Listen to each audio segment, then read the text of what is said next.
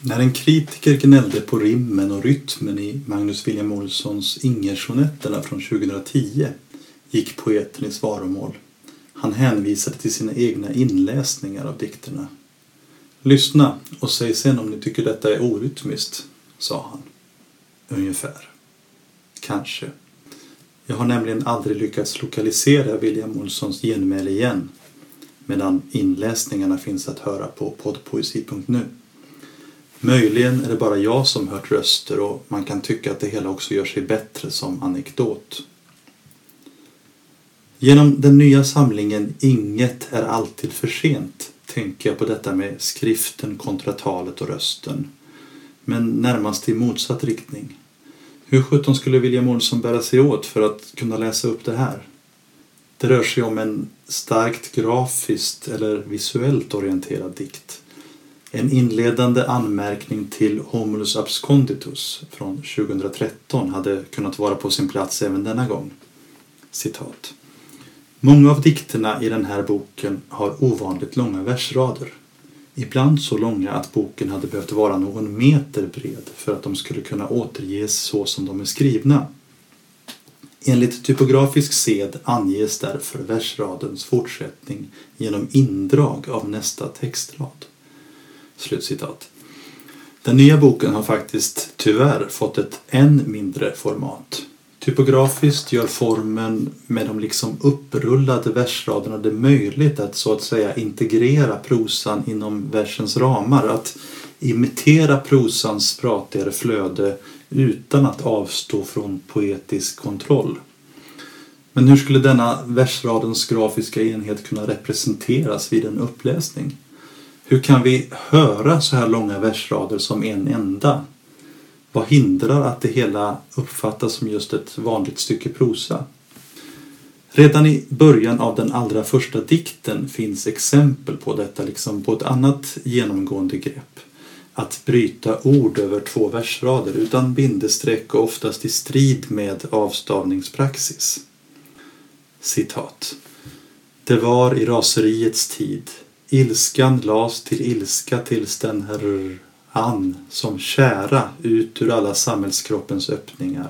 De orättfärdigt undertryckta, de icke-mänskliggjorda, de som spilt sitt liv för ingenting och låg som rutten frukt i sina vätskor, obegravda.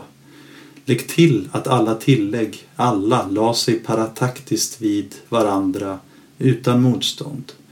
Lägg till att ingen längre kunde tänka sig som del av något okänt helt. Slutcitat.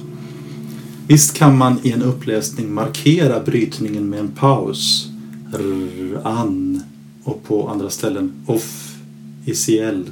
sär, skilda, ob, sent och så vidare. Men fungerar det med tomt, t, ömt och framförallt skulle brottet bli alltför markerat. Vi skulle uppmärksammas på tecknets markerade materiella form och missa den ytterligare mening den kan tillföra. I skriften får vi liksom se hur själva ordet rann över kanten på vredens fulla bägare. Det rör sig då inte om något meningssabotage utan om att tillföra ytterligare mening inte om att länken mellan tecknet och det som betecknas bryts, snarare om en påminnelse om att dessa båda är i ständig rörelse och förskjutning. Den största utmaningen vid en uppläsning skulle dock vara att återge det säregna sorl av röster som här möter läsaren. Det textuella underlaget är visserligen rikt varierat och växlar mellan det högstämda och det talspråkligt pladdriga och versifikatoriskt finns oftast närmast metriska inslag. Hela den första dikten ur vilken jag nyss citerade kan läsas binärt, varannan stavelse obetonad, varannan betonad. Och hör på anapesterna i början av den här dikten. Citat. Det var svart, det var glans, som kajal, det var innerlig skit, något föll av, stora sjok, som av brännskadad hud, som av skal efter skal. Slutcitat.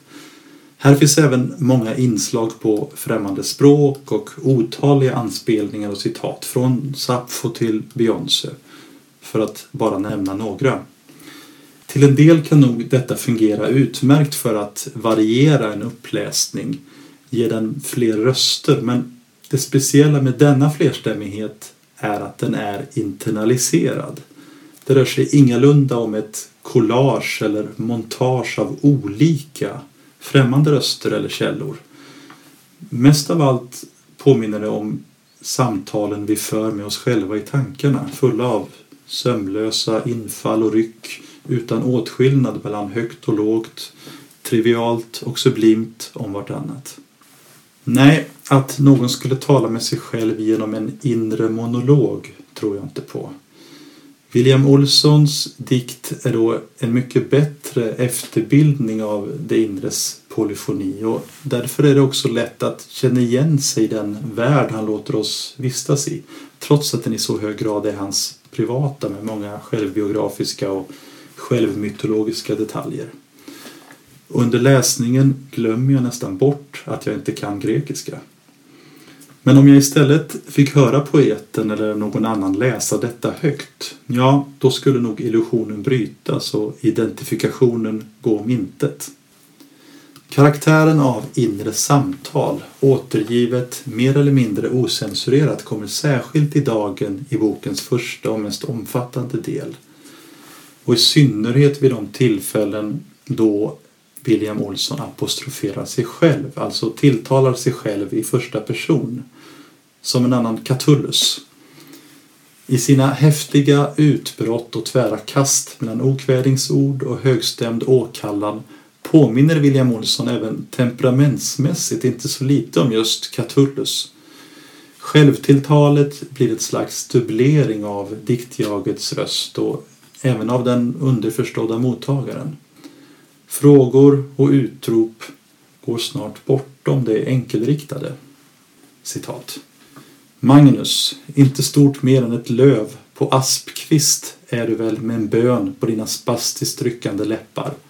Slutstormen, tror du den bryr sig om dina knän, din idiot? Din kärlek, dina erotiska kräldjurssting, dess kyss är rå och köttig, slamsor bara blir det kvar av kinden, dina läppar hänger som trasiga remsor, tungan en blodig stump.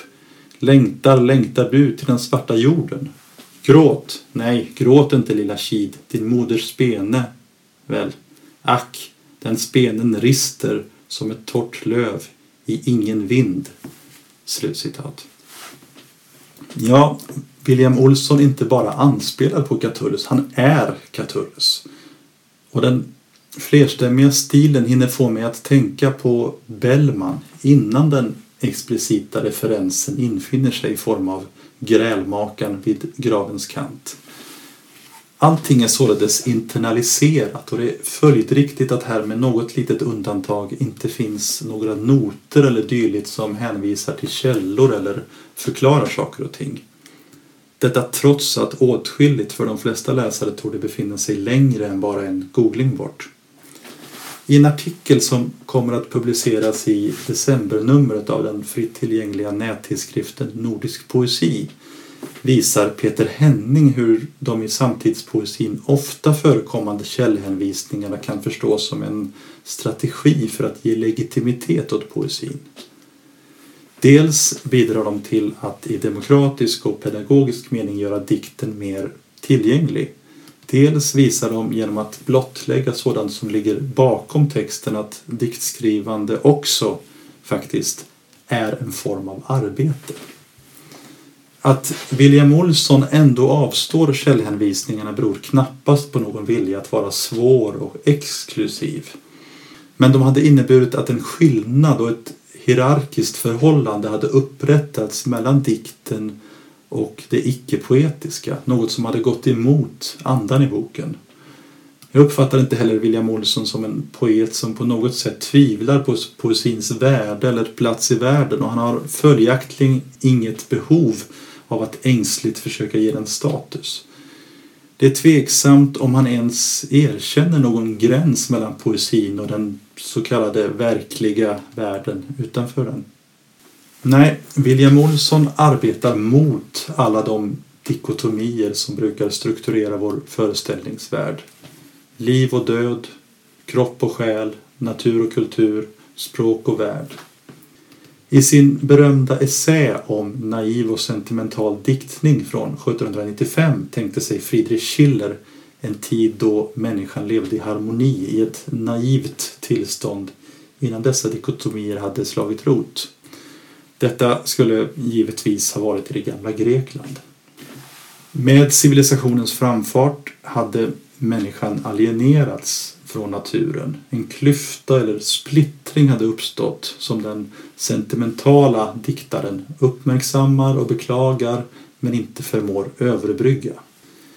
Dock såg Schiller även i senare tid enstaka författare som istället tillhörde det naiva idiomet. Det tycks mig som om också William Olsson är något av en sådan i sin strävan bortom de nämnda dikotomierna. Medan William Olsson i bokens första och mest omfångsrika avdelning är upptagen av det rasande livet möter i del två en död syster, mor och far följt av konfrontationen med den egna döden i del 3.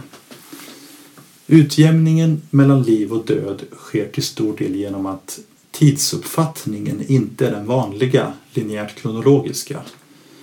Själva bokens titel, Inget är alltid för sent, hämtad ur en av dikterna, kan tydas som en utsaga om det förflutna, nuet och framtiden på en och samma gång.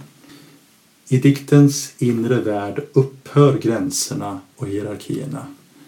Och på ett ställe där diktjaget samtidigt leker med sitt barnbarn fångas ytterst pregnant vad en sådan tidsuppfattning gör med relationen till döden. Citat. Med ryggen före, men vänligt, i denna kropp som är den enda jag får och är, ska jag hädanefter gå framåt tills jag stöter på döden. Slutcitat. Döden blir på det här sättet inte något främmande skrämmande utan något som är en del av tiden och livet. Närmast uppsluppet blir det i diktsamlingens femte och avslutande avdelning.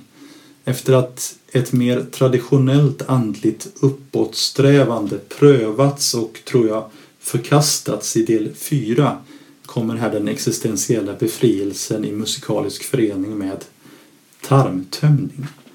Här blir också formen delvis en annan. Så här kan det låta eller se ut. Citat. Öppning. Vadå öppning? Befrielsens musik till slut. Den trånga öglan. Sätt dig på huk. Otvetydiga ställning. Den för alla lika. Slutcitat. Eller citat. Solen glimmar i ditt bruna öga. Frihetskrans av tjocktarmslem Genom öppningen den trånga höga, öglad, löddrig, friad går du hem. Slutcitat. Sviten och hela diktsamlingen mynnar sedan ut i ett bokstavligt krystande vilket samtidigt ser ut som rena grekiskan. Det kroppsliga, och det är ingalunda enbart att förstå som en metafor, är således ständigt närvarande också i de mest abstrakta filosofiska resonemang. Den slängigt pratiga stilen är ett avgörande led i den inkludering och integrering som är bokens stora styrka och bidrag. Den hjälper också till att fånga in en typiskt samtida nerv. Lika fullt blir jag ofta irriterad på den under läsningen. Ett okej, okay, väl, nog och liknande skjuts in på ett sätt som ofta känns en smula tillgjort och när citat en kyrkofader, jag tror det var Ambrosius, sa att slutcitat blir det nästan koketterande. William Olsson vet antingen mycket väl huruvida det var Ambrosius eller ej, eller så hade han ju kunnat kolla upp det. Slängigheten blir inte riktigt autentisk när den uppenbart är arrangerad. Eh, när den hantverksmässiga detaljomsorgen hela tiden är så påtaglig känns talspråkligheten inte trovärdig. Jag önskar ofta också att poeten lät mig dröja längre vid det konventionellt vackra, exempelvis citat Den gula dagen drog dig som en tråd på nålen genom ögonblickens rad. Slutcitat.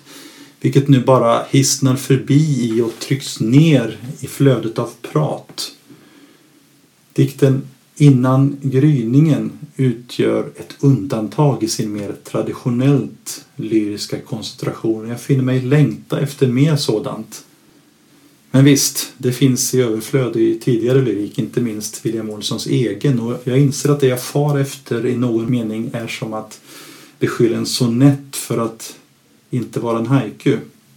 Hade jag fått mer av det högpoetiska så hade en stilens splittring uppstått mellan detta och det andra pratiga och det hade svurit mot allt som den här diktsamlingen vill åstadkomma. Låt mig så avslutningsvis återvända till och precisera mina farhågor kring vad som skulle kunna hända med dikten när den läses upp. Jag är helt enkelt rädd för att den ljudande rösten då skulle behöva skilja sig så mycket från den eller de röster jag hör och ser i texten. Att en skillnad, en tudelning skulle uppstå och återigen just därigenom ta något väsentligt från upplevelsen av dikten och dess interna flerstämmighet. Jag ser fram emot att höra hur Magnus William Olsson tänker sig att lösa det.